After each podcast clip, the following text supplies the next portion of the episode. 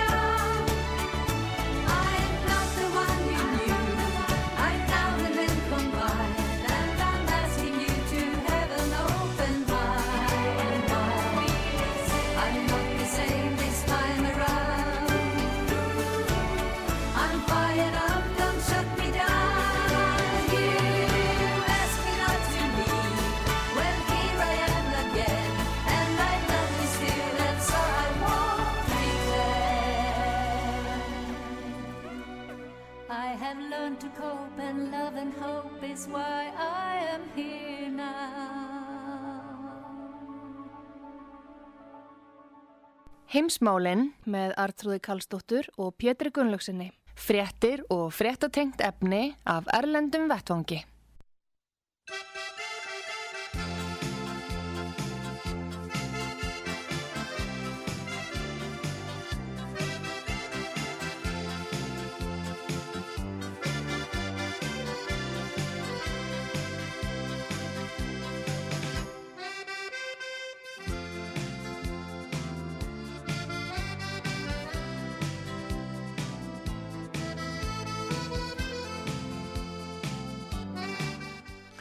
Komið þið sæl eh, að hlusta út af sögu heimsmálina þessu sinni Artrúðu Kallstóttir og Pétur Gullugson. Það eru þetta mál málana, það er ástandið í Úkrænu og eh, að þessu sinni þá er það Gustaf Skúlason, fréttamaður okkar í Stokkólmi sem er á línunni.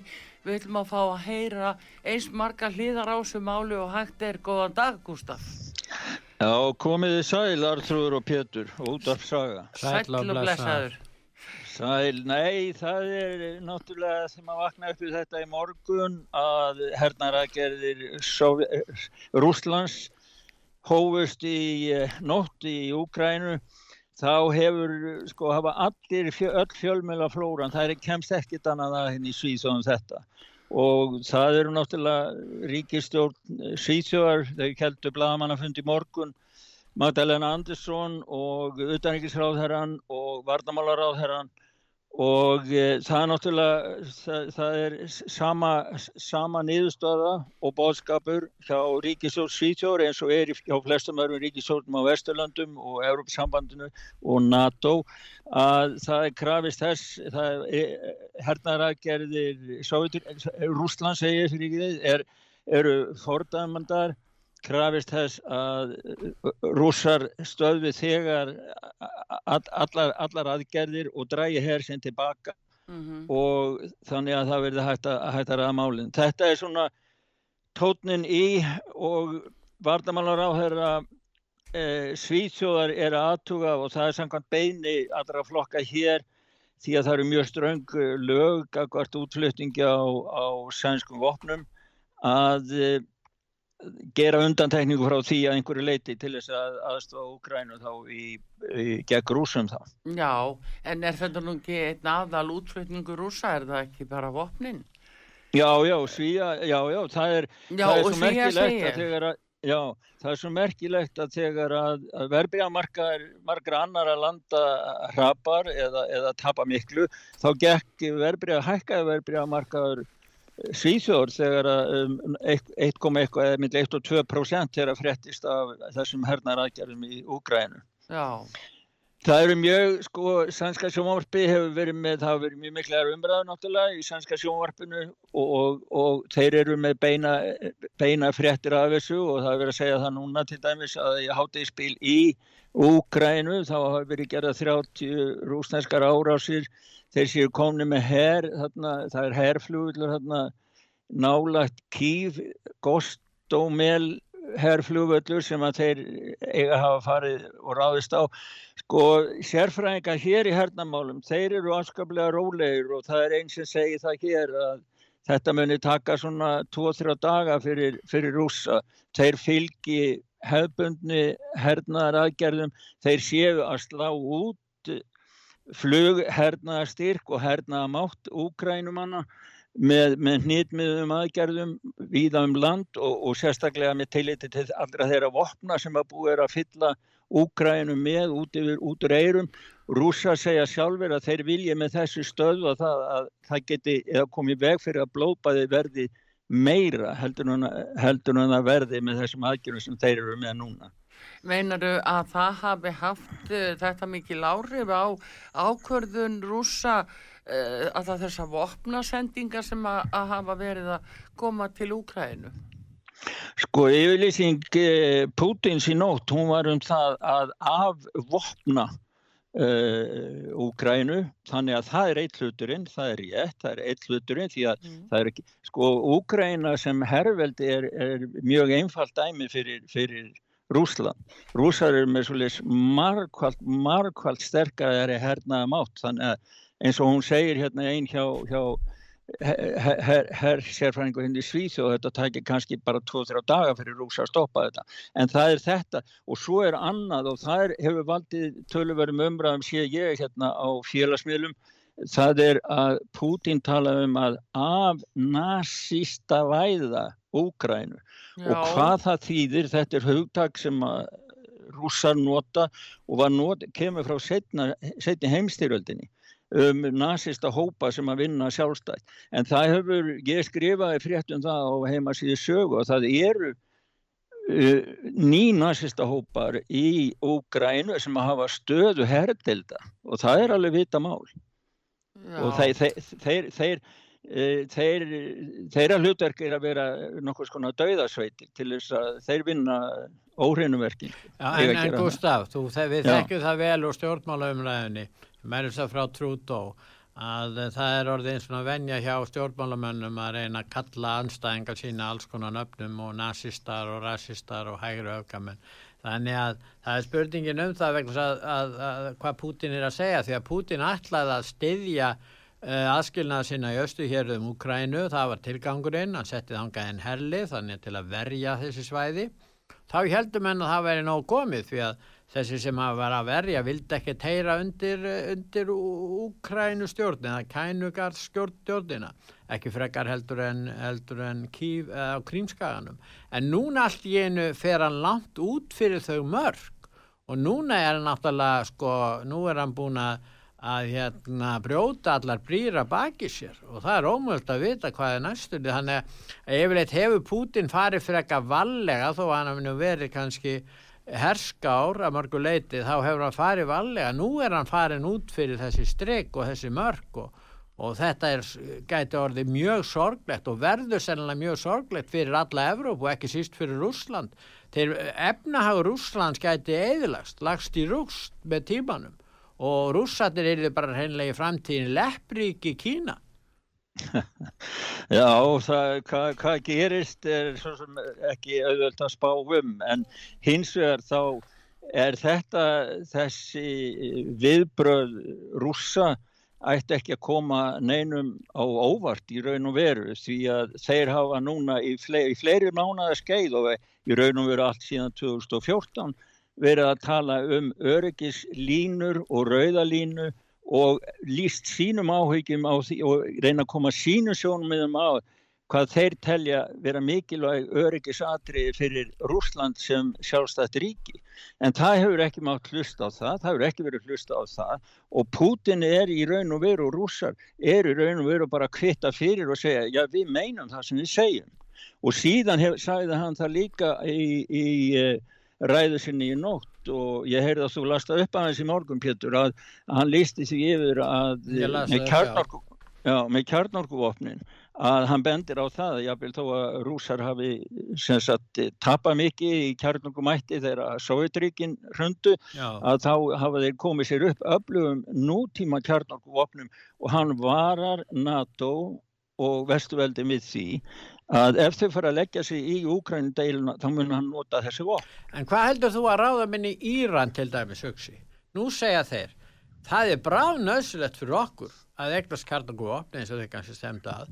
Nú Pakistan er með kjarnorkuvopn, Norður Kórea, auðvitað þessi ríki sem hafa þegar kjarnorkuvopn og Ísrael ætla ekki að láta þau frá sér og svo munu önnur ríki hugleiða það að eignast kjarnorkuvopn. Þannig að vekk til þess að viðhalda og verja landamæri sín því ef að Úkraina hefði 1994 haldið í kjarnorkuvopnu sín og neitað að, treysta að þá lístu Vesturlöndi í yfirheimdur verja og treysta sjálfstæði og, og, og hérna Úkrainu. Það gerðist reyndal ekki og það erum við að sjá núna í dag. Þannig það eru Úkraina sem að situr uppi með þetta vandamál og þeir fara vest út úr þessu máli. Já, það er, sagan er að endur taka sig að því leitinu til að Úkraina er notað í eh, sem eh, spil í Já. eh, sem sagt ba, heimsvalda pólitíkinni. Og það, það, það, er, það er mikið sem gengur á baku tjöldin sem ekki er sagt ofinberlega frá.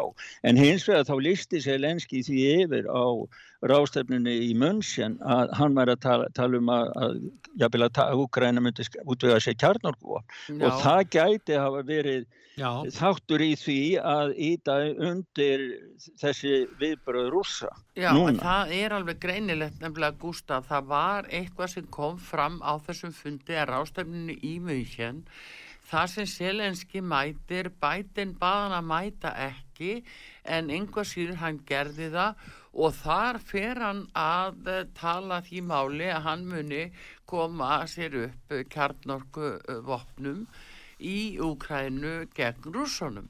Þetta er eitthvað, virðist hafa verið eins og olja og eld á Pútin því að strax kvöldi eftir er Pútin búin að ákveða þetta.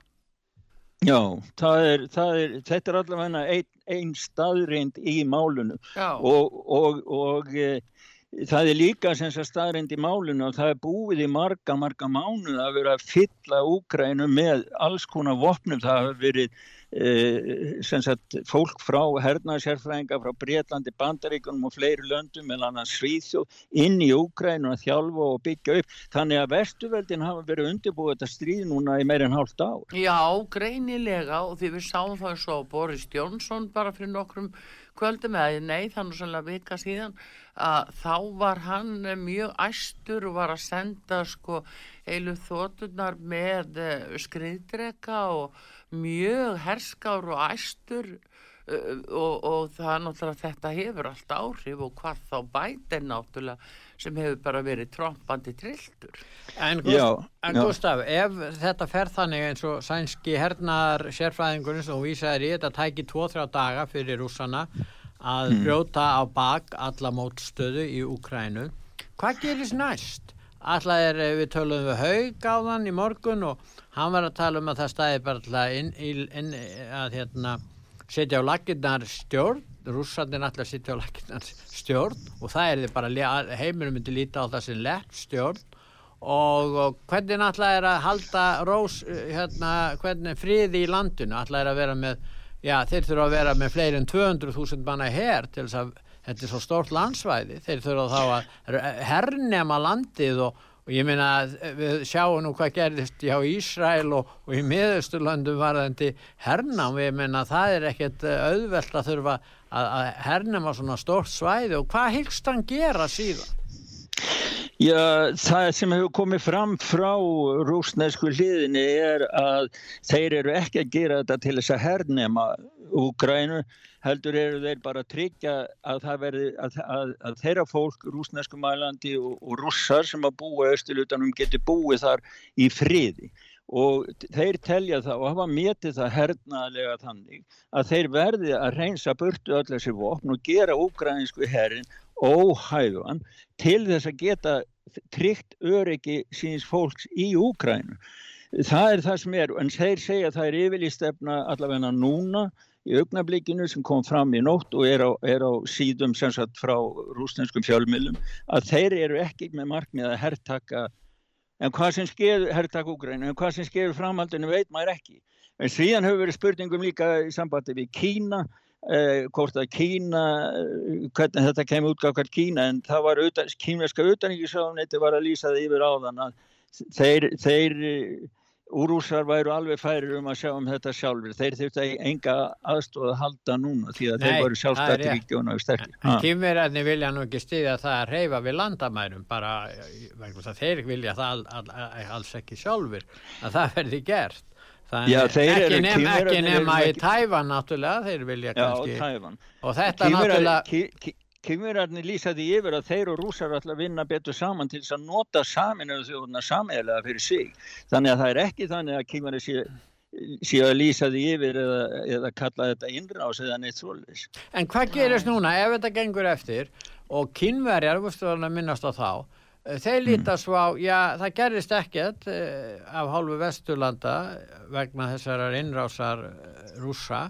Nú getum við ráðist inn í Tævan, munu Vesturland svara því? Að við sem munu, eh, Tæ, Tævan búar eru með miklu öflugri herheldur en Úkræna, þeir myndu þetta verjast á þessar eigu, en, en eh, erum við ekki bara að horfa fram á ó, og hérna ófríðarbál bara við það Já, sko, miða við herna stöðu og markmið Kína sem stóraveldis, að þá náttúrulega þetta mjög hagkvæmt ástand fyrir þá að, að NATO, Bandaríkin og Vestuöldin skulle vera upptekinn öll á, á kafi í stríðsækjarðum í Úkrænu því að þá, sko, það er Það er það sama og eh, Donald Trump sagði í viðtali við Fox í gerðkvöldi. Hann sagði það ef, ef hann hefði verið fórseti núna þá hefði þetta aldrei getað gerst. Hvernig hann þá? segir, já, hann segir það og hann segir það að það sé fyrst og fremst veikleiki bandaríkja stjórnar sem gerir það að verkum að Putin hafi, og rússar hafi tekið þóra að taka þetta skref. Og nákvæmlega sama gildi fyrir Kína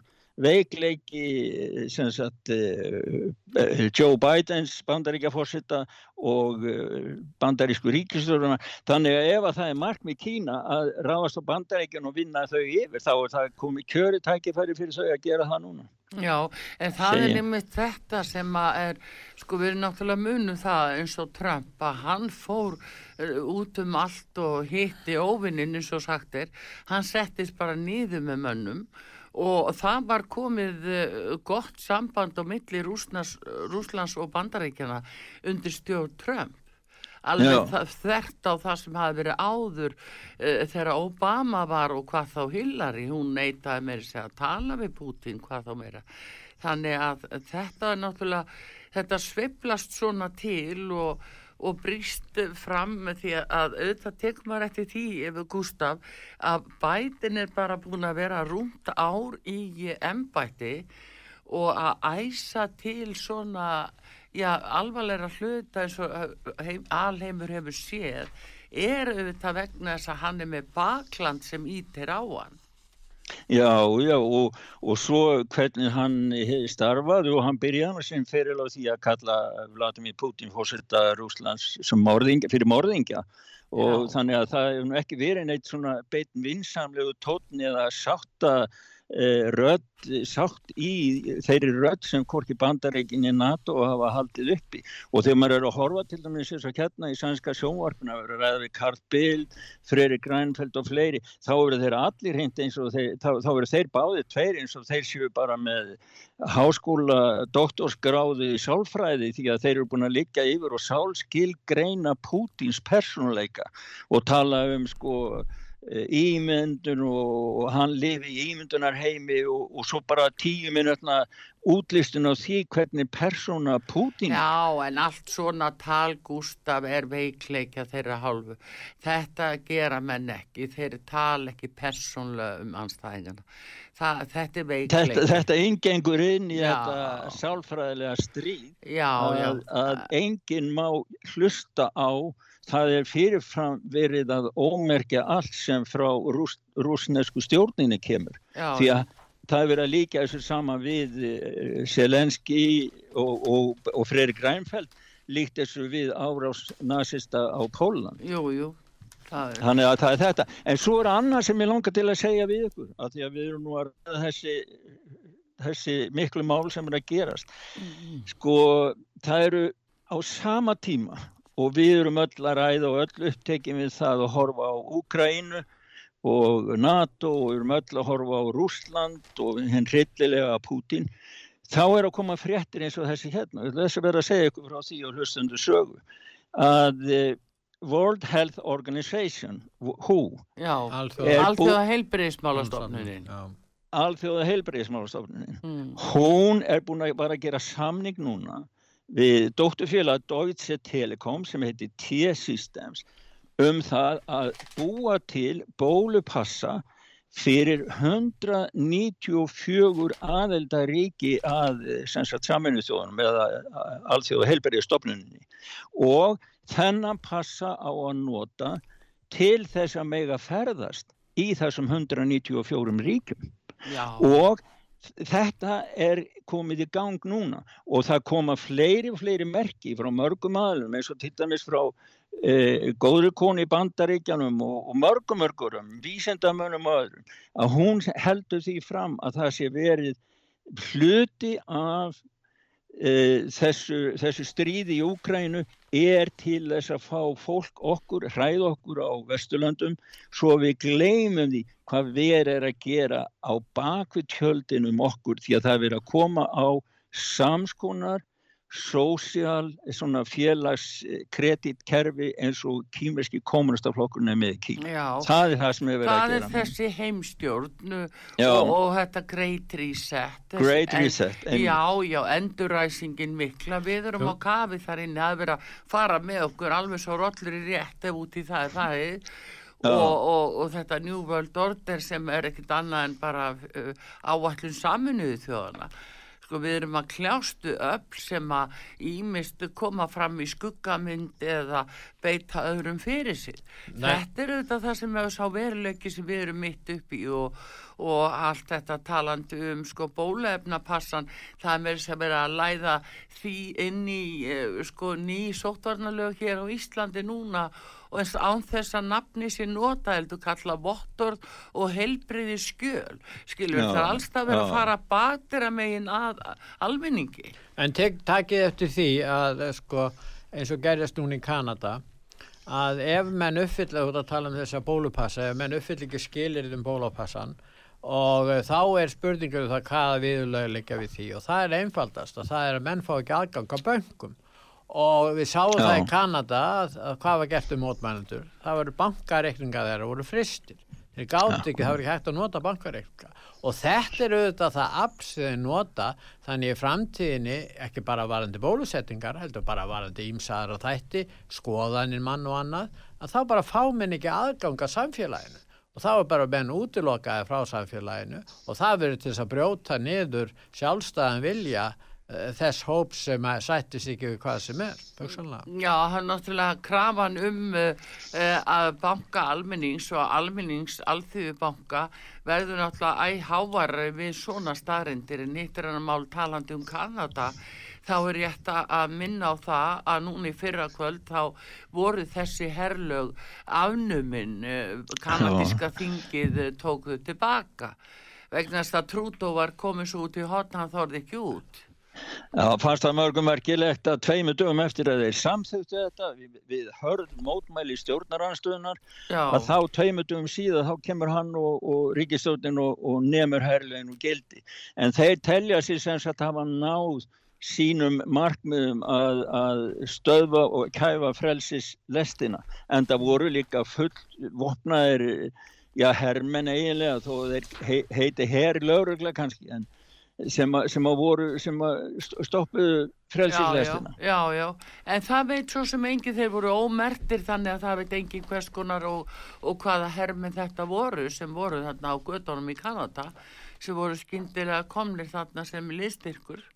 Já, og voru með síðan eh, sko, leyniskittur á þökunum hann Já. allir kring sko. Já, En þú myndist aðan á umræðuna í Svíþjóð í fjölmiðlum út af þessu máli, þessu máli í Úkrænu. En Já. uh, það er aðtiklisvert að til dæmis formaði miðflokksins vill að svíjar gangi núna í allarsapatalæð. Var umræðin það líka? Já, já það, það eru alltaf umræður um það en þær hafa eh, vegna þrýstingsins í Úgrænu blossað upp og, og e, það er mikill þungi frá til dæmis miðflokknum, einni móturötum og Frýri Grænfeld sagði það nú í gær sko að það er, að hann sagði það að að rússar ætlu að taka ekki bara Úkrænu heldur einni baltísku löndin og líka Finnland og Svíþjóð. Þannig að, að, að, hérna, þannig að það er verður nota sem er rauk fyrir því að Svíja gangi með í NATO. En hins vegar þá segja eh, stjórnvöld hér í Svíþjóð að þau vinni út frá þeim stamstar samningi sem að Svíþjóð hefur við NATO sem eh, stuðningsaðili. Svíjar eru stuðningsaðilar og Já. við taka þátt í æfingu með NATO. En við sé- erum með nokkur hlutlaus lönd í Evrópa en þá. Við höfum landi eins og Svíþjóð og Finnland og það er mjög líklegt eins og, eins og staðan er núna að þeir gangir hennar í NATO. Síðan höfum við Austuríki sem er nú hlutlaust og svo Sviss. En Svissletingar vilja fordæma það sem rússandin gerðu en þeir vilja ekki taka þátt í refsaðagerðum. Þannig að við höfum þessi fjögur hlutlausu ríki og svo. Já, þeir eru, Já. já, þeir eru hérna, þeir eru, þeir eru hérna, já, já. Já, þeir vilja halda sig fyrir utan þessi átöð. já. En svo segir Stoltenberg, sko, hann segir náttúrulega að friðurinn hafi verið slegin í rúst í Evrópu og það sé allt annað Evrópa í dag heldur en það var í gær. já. En, en, en hérna, hann, hann, sko, nú tappa ég alveg það sem ég ætlaði Jó, að segja, sko, það er Stoltenberg því að hann er orðin svo heskár allt í einu. Hann hefur nú öll árin geta haldið sér svolítið rólegum en uh, Biden hefur náða æsan upp og Boris Johnson líka. Þeir eru báðið búin að æsan alveg rosalega upp því að hver er hlut hvert er hlutverk NATO? Já. þú veist, hann, hann, bandalæni er ekki að sko, stula þeir frið. já, lýsaði yfir frá NATO að NATO muni ekki fara inn í Úkrænu til þess að hjálpa Úkrænumönnum vegna þess að Úkræna sé ekki e, NATO-ríki. Mm. Og þetta er náttúrulega mjög furðuleg yfirlýsing miða við það hvernig þeir hafa starfað að því að vera að dæla inn vopnum og af peningum og annað til úkrænumanna. Það gæti, útkoman gæti orðið svo eftir tvo daga eða, eða um helgina að rúsa væri búin að bara taka yfir alla Úkrænu og Úkrænumönnum finnst þeir standa gjörsamlega sviknir vegna þess að öll lofvort naturíkja vesturölda væri bara tóm fals. Já, en að þeir allir ekki að fara inn til hjálpar. En hvað, er, hvað, hvað þýðir það að eiga þessa óbeinu íhlutun með því að dæla öllum þessum vopnum inn í landið? Já, það Hvað er akkurat það- það sem að það Putin hefur tekið á skarið með, með því að fara að að þá, þá er hann bara að sína þeim, þetta er ekkert, hann er búin að, það er búin að segja þeim þetta, þeir vita af þessu. En Já. þeir hafa verið augur allan tíman í fleiri, fleiri, fleiri mánuði og hlusta ekki neitt á öryggis, beðinni og öryggis afstöðu rúsa til eigin öryggismála í Európa. Nei, NATO það- hefur hafnað því. NATO hefur ekki hlustað á rúsana í þessu máli og er reyðbúið til þess og verið búið undirbúið þetta stríð þó að þeir segi já, já, já, já, við höfum ekkert með þetta að gera núna af því að Úgræn er ekki meðlumir í NATO. En Gustaf, nú er ekkert ríki sem stiður Rúsland í þessu máli nema kannski hvítar Rúsland. Ég held að það sé eina ríki sem að... Já, Hvítarús, þeir voru nú að eh, bera það af í morgun, þá kom yfirlýsing frá þeim að þeir hefðu ekkert með þetta að gera því að það voru verið að segja að þeir hefðu verið að senda inn hermenn Já, með þeir- rúsum. Þeir vilja Já. ekki eins og standa með þeim. Já, þeir standa með rúsunum en þeir segja bara þeir séu ekki þáttir í þessu. Nei, já, ég veit það. Ég, ég er að tala um bara stöðning í heiminum. Það er svona 190 ríki pluss í Já, saminuðu já, þjóðunum og ég var, ég veit ekki hvort að Venezuela eða Kúpa eða eitthvað Já. fer nú að, að- að hreyfast þarna eitthvað hjá þeim en sko þetta, hvernig með framtíðastöðu nú náttúrulega vonuðust allir held ég bæði líðræðisinnar og þeir sem eru hlindið svona vestrænum gildum vonuðust eftir því að Rússland yrði bara hluti af þeirri þróun sem er á Vesturlöndum bæði varðandi hagkerfið, líðræðið og svo framvegis en uh, því miður þá er, er, er þetta þannig að, að það er að myndast þarna djúb og breið gjá á milli Vesturlanda og Rússlands eftir þetta sem gerist í nótt. Hvað segir þú það? Já, já, það er gjörbreytt staða núna, sko, p- rússar sína hvar rauðalínan er sem að þeir eru, eru búin að vera að tala um núna í hálft, eða eitt ár. Þeir sína það bara í verki, því það hafa farið yfir rauðu línuna og við erum búin að vara eitthvað við og svo bara gera þeir. Þeir, þeir eru, þeir tala ekki bara um hlutina, þeir gera það. Þeir En gera það Vesturlönd segja. eiga ákveðna sök á þessu með því að hafna með alls konar aðferðum og, og yfirlýsingum eh, meira samstarfi rúsa allt frá því að Sovjetringi fjallu 1991. Fyrsta skrefi var það að reyna að senda þarna fullt af auðjöfrum og ólíkörkum til þess að hyrða vesmiður á, á útsöluprís og auðlindir og annað, skilur, og svo verður Já. Putin til og ég meina að þetta voru ymsi möguleikar fyrir Vesturland að horfa til framtíðar og, og sína hérna fyrirhyggju og reyna að ná mjög góðu samstarfi við Rússland þetta og möguleikandi svo miklir tátt við tækni, ráefna, viðskipta, uh, tæknimálum, háskólasamstarf, uh, vísindasamstarf, alveg sama hvernig við lítum á þetta, möguleikandi svo miklir. Nú er þetta allt saman farið út í buskan. Já, já, og það hefur aldrei mátt ræða það sko þegar rússar eru að benda á að þeim hafi verið lofað að NATO ætlaði ætlaði ekki eftir saminningu austur og vestur Þískalands að NATO ekki ætlað að vika út áhrifasæði sín til austurs. Og það var nefnt þarna á sem er á landamærum Pólans og, uh, og Þýskalands. Og hérna þannig að, að eh, sko það hefur bara ekkert, ekkert verið hlusta á það og allt sem að allt sem að rússar hafa sagt það hefur bara verið áróður og ligar sko. Helmut Kohl vissi þetta, Genser, Helmut Kohl vissi Genser þetta. þetta. og það er á heimasíðu sögu einmitt grein þar sem að það er búið að finna þessi gögn þar sem Já. að þetta er, þetta er allt skjálfest Og Angela Merkel vissi um þetta. Hún var nú, hafði, læriði nú sína pólitík, Helmut Kohl kom henni á framfæri. Og Já. hún vissi um þetta allt saman. Og Svo maður get, mað getur önnulega að spurt sig sko hver er það sko þó að, þó að rússar fara inn með þessum hætti sem þeir gera. Jú, jú, og, og menn tala innrás og árásir. En hver er það sem að, sem að hefur kannski undirbúið þessa stöðu í dag með því að, að segja ósatt en vera allan tíman að auka og vikka úr sína áhrifasvæði alveg upp í tungarðin hjá, hjá rússum. og ekki hlusta á það sem að viðvaranna sem að rússar hafa komið með. En má ekki búast meiri þýstingi núna á stjórnina í Kvítarúslandi? Uh, ég menna eftir þetta, eh, ekki, myndu, myndu þá rússa svara því ef að Vesturland reyna að ná áhrifum eins og gerist eftir kostningarnar í Kvítarúslandi sem að margir uh, stjórnarnanstæðingar töldu hafi verið uh, hérna ólöglegar kostingar eða ekki, ekki hérna gefið rétt að mynda Það vilja mátti tala um sko þegar Lukashenko vann í Hvítarúslandi þá allt í hennu var leifilegt að tala um svindl í Já, kostningum já, já, já. en svo aftur á móti þegar að Biden vinnur í bandaríkjunum og uppi mikla refastendur um heiðarleika í þeim þá var bara sett lög að mátt ekki tala um það. En Það svo getur maður líka að líta á það þannig að. Já, að ef, ef markmið er að eiðilegja Evrópu, bæði á hagsmunaðalum í vestri og, og austri líka, sko, þá, er, það, þá er, er þetta rétta, rétta aðferðin.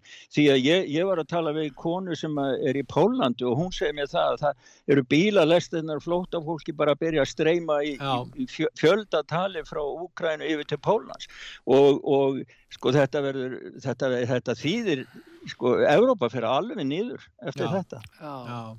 Og pólverjarnir hafa verið helstu stöðningsmenn Úkrænumanna frá gamalli tíð, það við vitum það.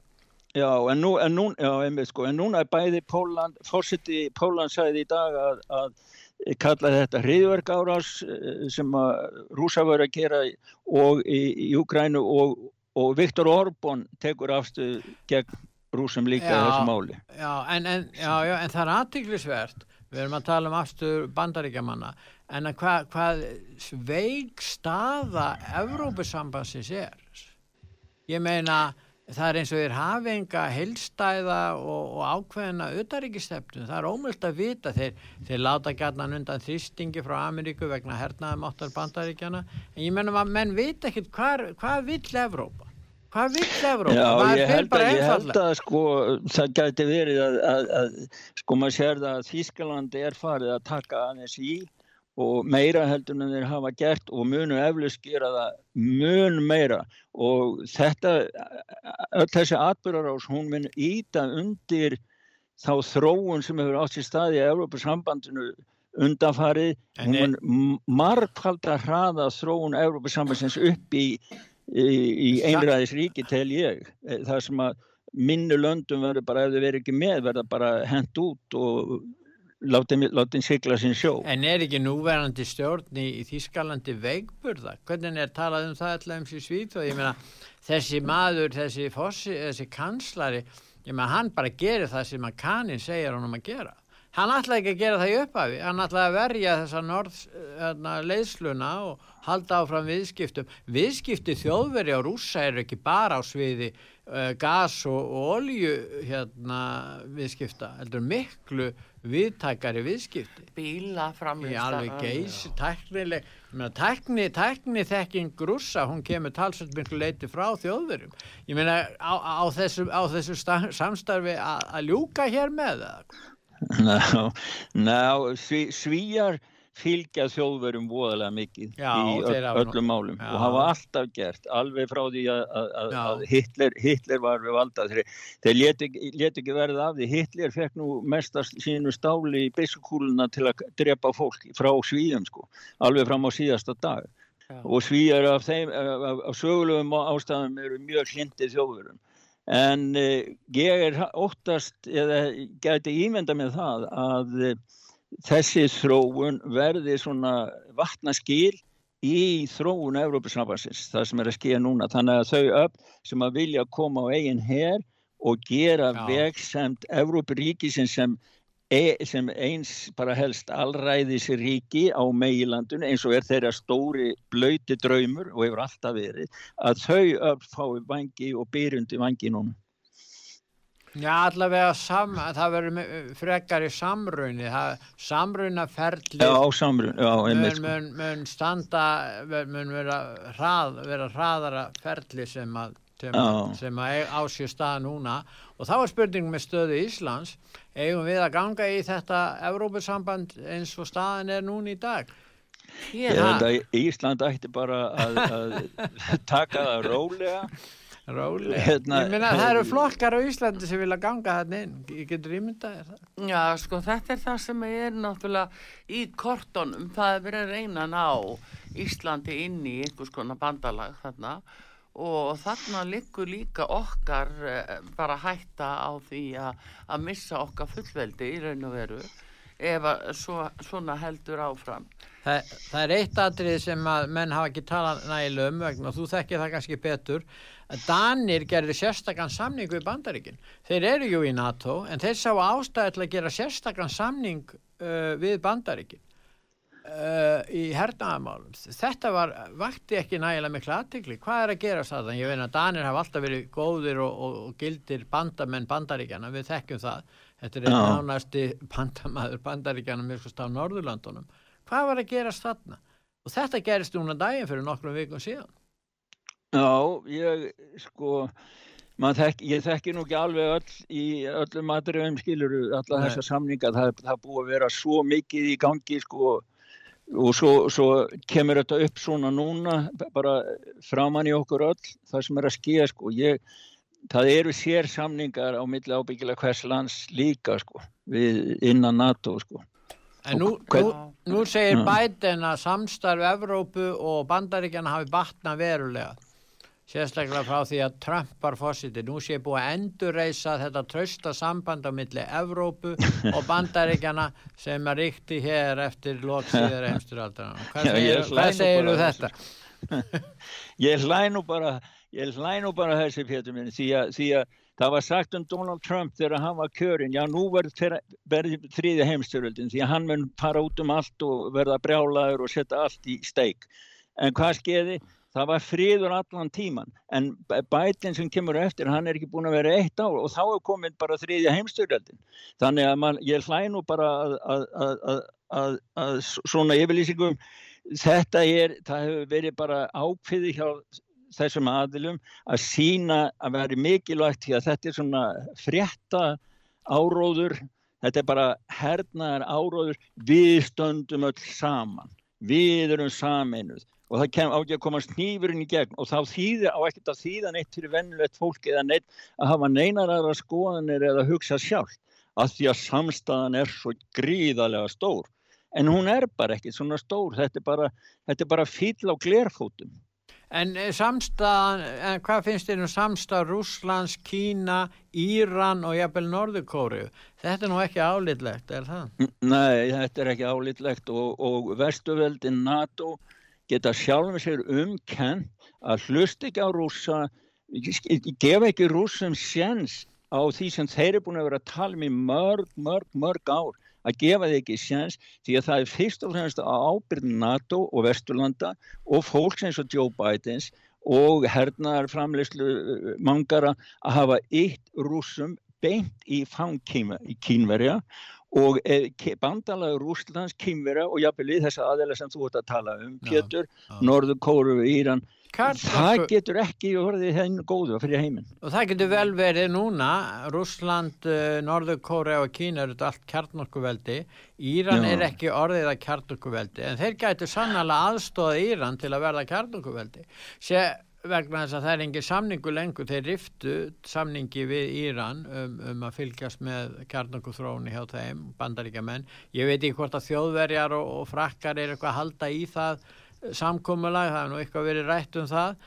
En eftir þetta þá er spurningin um það hvort að Íran geti fengið að þróa, því að nú sækast þeir eftir því að koma sér upp kjarnokvopnum eftir þennan sögulega atbyrð sem við erum að horfa upp á núna. Mikilvægi fyrir þjóðríki að hafa kjarnokvopn Það er alveg sama hvernig ná, hvar, hvar maður lítur á þetta Við, mál. við Íslandingar rættum kannski að koma okkur upp kjarnokvopna búri til að forðast Evrópusambandi, hvernig list þér á það? Já, heyrðu, við þurfum að fá auglýsingar hér í, í heimsmálunum að þessu sinni. Gustaf, Já. við býðið að býða á línunni því að við ætlum líka að reyna að glögga okkur á þeim tölum sem eru komnar upp í sambandi við mannfall. Ég sé að það er verið að tala um, sko, að það sé um 100 mann sem hafi fallið eh, 50 hermenn rúsneskir og 40 frá Úkrænu og eða stjórnarhernum og 10 óbreytti borgarar. Þetta er svona, það er tölur sem að hafa verið gefnar út en uh, hérna við skulum aðeins fara yfir þetta og eins líka svolítið hvað það þýðir fyrir Ísland því að ef að svona heldur áfram þá náttúrulega mögum við búast við því að það verði aukin umsög hér á kemlauguflöðli og bandarækjumenn vilja jafnvel fá að, að koma hér og hafa einhverja búsettu eða viðveru. Skulum heyri þér aftur Já. eftir skamastund.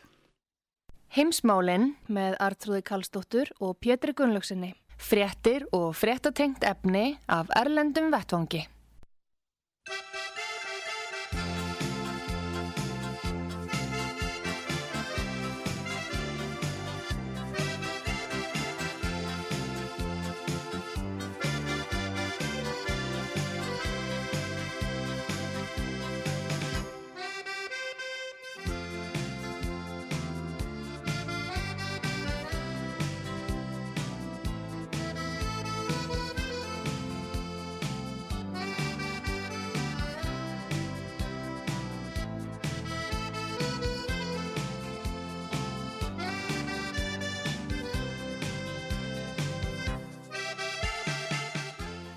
Komið þið sæl aftur heimsmálinn á útvarpisögu Artrúðu Karlsdóttir og Pétur Gullusson að tala við Gustaf Skúlason í Svíþjóð. Við erum að tala um stöðuna sem upp er komin í Ukrænu og uh, hugsanlegt mannfall, Gustaf. Hefur þú séð núna einhverjar tölur yfir það hversu alvarlegt þetta er að þér varðar mannfall? Uh, Já, það, það eru svipað tölur eins og þú nefndi, það talað um 50, held ég, úkrænumenn, 40-50 rússa, en ég held að, sko, það er, ég held að þessar tölur er eftir að marg, marg, marg fa- faldast þegar að fólk, þegar þetta leggur sig og, og fólk fyrir að sjá yfir, yfir svæðið, hvernig það lítur út. En þetta er það sem er ofinberlega sagt núna, það er talað um svona hundra manns. Og þeir Já. segja sko uh, í Úgrænu hér að þeir hafi skotið ég flugvilar, fjóra-fimm flugvilar og nokkra þyrlur, en rúsa neita öllu slíku og rúsa segja að þeir hafi hérna úgrænskir hermenn hafi flúið frá þeim þarna á línunu í Donbass en því neita úgrænumenn og það eru myndir þeir segja úgrænumenn að þeir hafi veitt miklu harðar í mótstöðu heldur en að rúsar áttu von á og það er að byrtast myndir hérna svona sundurskotnum skriðdrekum og annað, Já, annað ég er að horfa bara með þessi á núna hérna það verið að skjóta niður uh, þyrlu, uh, sko, það fyrir ekki á milli mála. Uh, þannig að það er alveg saman hvort að menn í átaði neyta. Það, það er bara myndin að tala sínu máli. Akkurat og það, ég held að það sé sko og það er gríðaleg, það var, það var gríðaleg örtröð að komast út úr bænum frá, út úr hérna kænugarði, Mm. almenningur og flott og það lokuðust allar veg, allir vegir vegna bara örtröðs og bíla, bíla um, umferðar þannig að, að sko ég held að þetta sé miklu alvarlegra því að rússar þeir hafa verið að gera árásir á uh, sko vopnabyrðir á mörgum stöðum í landinu og það hafa komið fréttir að það hefur verið næstu við alveg upp að vestamegin sem Já. að, ég, en maður veit ekki hvað er satt af þessu sko. Já, er, Ég sé hérna allavega að þyrluna fljúa bara alveg yfir kýf. Það er fljúa hver á vantir annari. Þannig að Já. það, þetta fyrir ekki á milli mála hversu alvarlegt þetta er en þá er það líka spurningin sko ef að þetta er stefnan að yfirtaka bara Úkrænu svo leggur sig að, þá náttúrulega við búast menn og þess að ég nefndi áðan þá erum við búin að hafa pata því um nokkur skeið að, bandaríski herin vil komast aftur með aðstöðu hér á Íslandi og já, þeir, já, vegna ófriðar í Evrópu heitir það. Já, í Evrópu sko, þeir eru búin að vera að flytja uh, þúsundir og þúsundir hér og þúsundir þar, það eru bandaríski hermenn í Baltísku löndunum, Pólandi og, og nýðum með sko Evrópu. Og það er alltaf að bætast við, það er alltaf að bæta að vera að flytja inn meiri vopna, það er verið að flytja sko þyrlur herr, þyrlur annað frá, frá bandaríkja herr yfir til Evrópu sko. Þannig að stór stríð, það er ekkit annað í, í spilunum með stór stríð og NATO, það kom líka í ljós að Stoltenberger, þeir eru búin að virkja það sem þeir kalla uh, virkja fyrsta skrefið í, í varnar áallin NATO sem að núna í ástæðs ástandi sem að gefur hersöfingum NATO-hersinningur miklu meira rými að bæði flytja herdeildir og, og breðast við sjálfur á þess að þurfa að fá leifi fyrir því frá yfirvöldum. Já, þeir telja sér ekki þurfa leifi. Þeir, það er nú Nei. það, það er bara leifi fyrir suma en aðra ekki.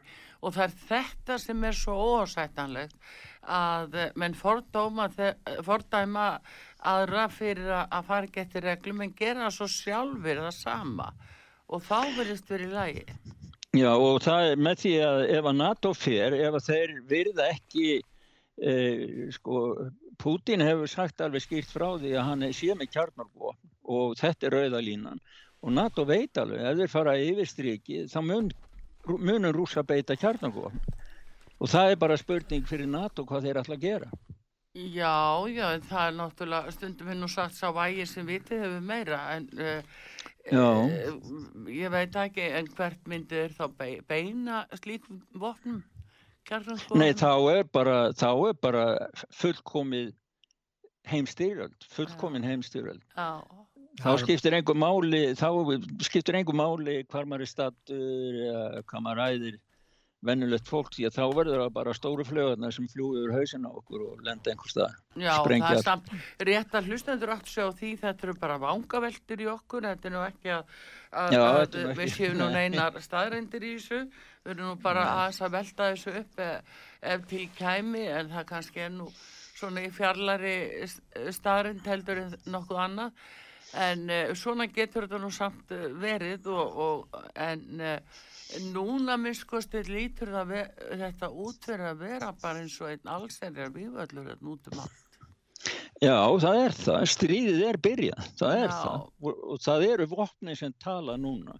Já, Og það eina sem gæti leist þetta, það er það að ef að NATO bandarækjamenn og Selenski myndu byggja rúsum að mæta sér á fund en bandarækjamenn hafa eh, strókað þetta út, Selenski er búin að slíta stjórnmálasambandi við rússa og þannig að sko og, og all vesturlöndin eru með raðir af aðgerðum. Allir þeir sem hafa áður talað sagt vilja, hei, vilja halda frið í heiminum þeir hafa verið búin með, verið að undirbúa sig undir ófríðar áallanir í marga mánuði og þeir tala bara um ófríð það er ekkert annað í já, já, bókunum um það, jú, jú, þeir voru snöggir líka, hver af öðrum, þeir neita fundu með Lavrov og, þá hvað þá Putin, allir bara nei, nei, nei, öskruðu strax. Þannig Já, að það, það var já. þó utarrikiðsáð þeirra Evrópusambansins sem að svona greip inn í þarna í gær eh, morgun og sagði Já. sko, já, nei, við erum auðvitað opnir alltaf fyrir diplomatískum samtölum, sko. Það var svo eini. Já, þeir segja það, en þeir segja við erum opnir, en um leiðu þeir segja, já, eigum þá að hittast og ræða máli. Nei, það gerum við ekki. Það var náttúrulega ekki mikið að marka þau orðskilur.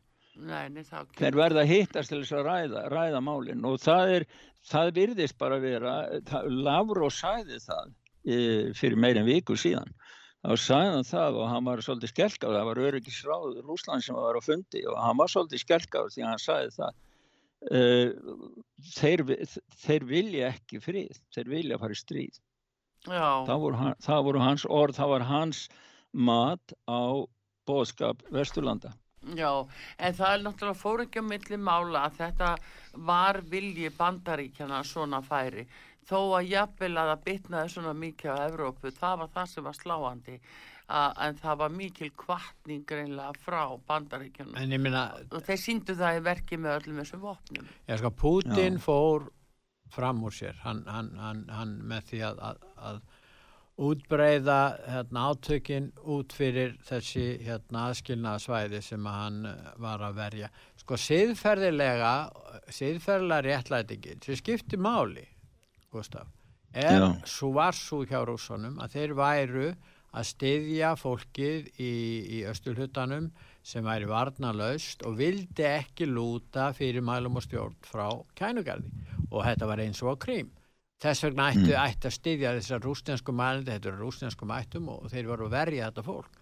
Núna er komin allt annað dæmi komið upp, nú er það bara stríð á öllu svæðinu þarna í Úkræn og þá náttúrulega er þessi réttlæting ekki lengur til staða. Nú er allir komið nýr, nýja afstöðar að segja að Úkræn er ekki löglegt ríki. Það, er fann efast um tilvist þess sem ríkis sem var þó viðkent á sínu tíma og, og þannig já. að, að, að, að það er það sem er breytingin er svo mikil á þessu leiti Já, en það leikur ykkur vafi á því hvort þeir hafi viðhaldið þessari skráningu frá Það 1991. skiptir engu máli, Já, þeir voru það- meðlemið í saminuðu þjóðanum og, og það voru fullt af ríkjum, menn þess að rússarnir viðurkendu það sem ríki, þeir voru með sendir á í kænugarði, rússarnir viðurkendu það, öll ríki viðurkendu Úkrænu, núna er verið að leggja Úkræna velli og hann, þeir alltaf sitja á lagindan einhverja leppstjórn í kænugarði, virðist vera, ég meina það var jafnvel gefið í skinn og, og þá náttúrulega breytist þetta algjörlega,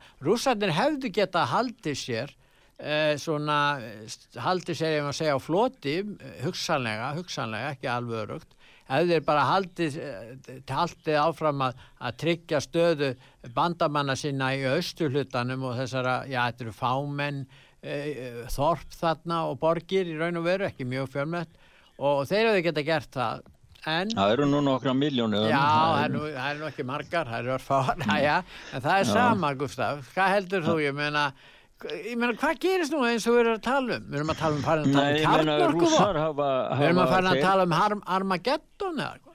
Já, rússar eru, hafa bent á og ásaka úkrænumenn eða þessar nasískar herdeildir í er fyr- um fyrir hrottaskap Já, og, og nú er þetta, það er að byrja sko loftárásir, það sé ég er, það er, uh, það er verið að skjóta niður núna rúsneska herflugvel, uh, úkrænumenn voru að gera það og NATO er að blandast inn í þetta, þeir eru að auka styrkin, uh, sko NATO er að koma að því að auka styrkin í austurlutunum, þetta er bara vestna. Hættan fyrir rússan er það sem gerist í Afganistan. Rússar voru í Afganistan held í tíu ár og þeir fóru ill út úr því eins og bandaríkjaman líka og fleiri.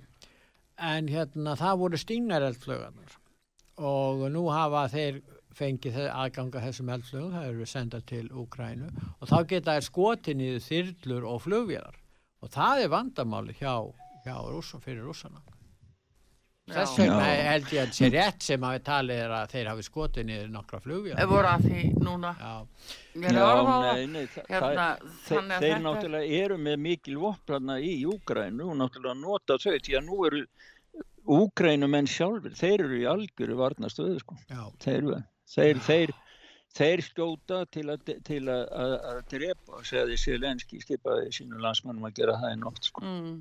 Þannig að- Er- er- er- er- það er er- varnast- já. Þetta er það. Þetta er sem. Gustaf, við Já. hérna allavegna höldum að sjálfsögja áfram að fylgjast með þessu allir aðrir en uh, uh, þetta er uh, þetta er mjög alvarlegt. Ég sé það að NATO er að senda meiri styrk uh, til Östurlutans niður í Donbass, á Donbass svæðið og Já. þar leikur allt á reyðiskjálfi og en uh, NATO auðljóslega lætur málið bara beint til sín taka. Þetta lítur ver út eða heldur en maður hefði haldið. Þetta er ekki bara Úkrænu herin heldur NATO er að hlutastu til um málinn þetta. Þa, þá er málið orðið allt, allt annars sko. Já, Það hann að orðið lýsa því miklu, yfir núna stærra. Jens Stoltenberg, frangundastjóri NATO, við erum búin að fá stríð í Evrópu, segir hann, hann bara tekur alla Evrópu inn í Já, þetta. nefnilega. Já, heyrðu, ef við verum að Já. ljúka þessu núna Já, og uh, þakku þér kella fyrir Gustaf, þú ert áfram og uh, hérna ert í ellendu fréttunum og heimsmálunum á fréttasíðin okkar út af saga.is ég hvert hlustendur Já. til að fylgjast mjög vel þar með alltaf það nýjasta frá Gustaf skúlasinni og fleirum en uh, takk fyrir þetta Takk Gustaf að fyrir Gustaf. Já, þakka ykkur kærlega fyrir sömulegis. Já. Takk fyrir. Við kveðjum úr heimsmálunum að sinni uh, Artrúðu Karlsdóttir og Pétur Gullugson og tæknimar Jóhann Kristjánsson við þakkum fyrir og hér og eftir þá er það bollu dagurinn sem er framöndan og við bara erum fara að gefa fullt af bollum með bakarameistaranum bara tóm gleði.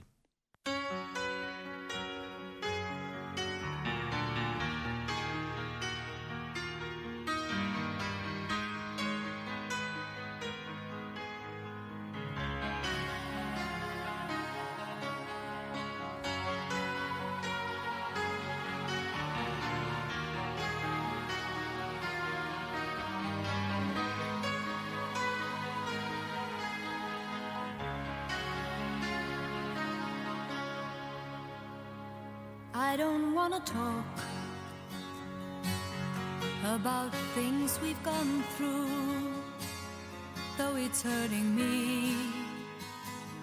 Now it's history. I played all my cards, and that's what you've done too. Nothing more to say, no more race to play. The winner takes it all, the loser standing small beside the victory.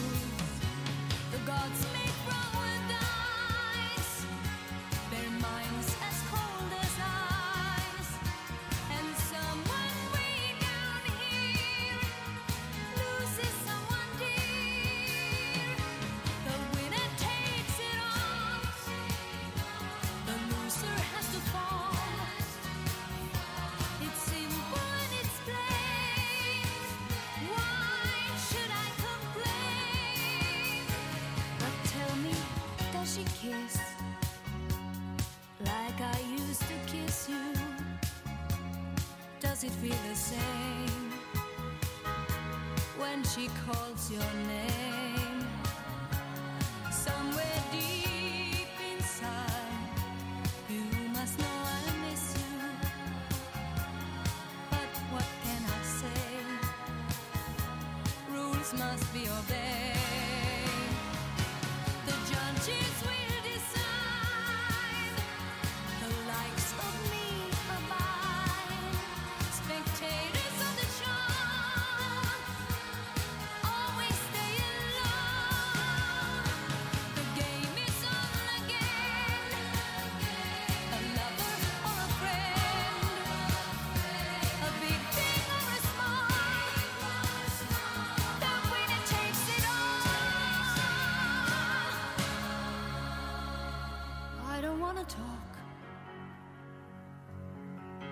it makes you feel sad, and I understand, you've come to shake my hand. I apologize if it makes you feel bad, seeing me so tense, no self confidence. But you see.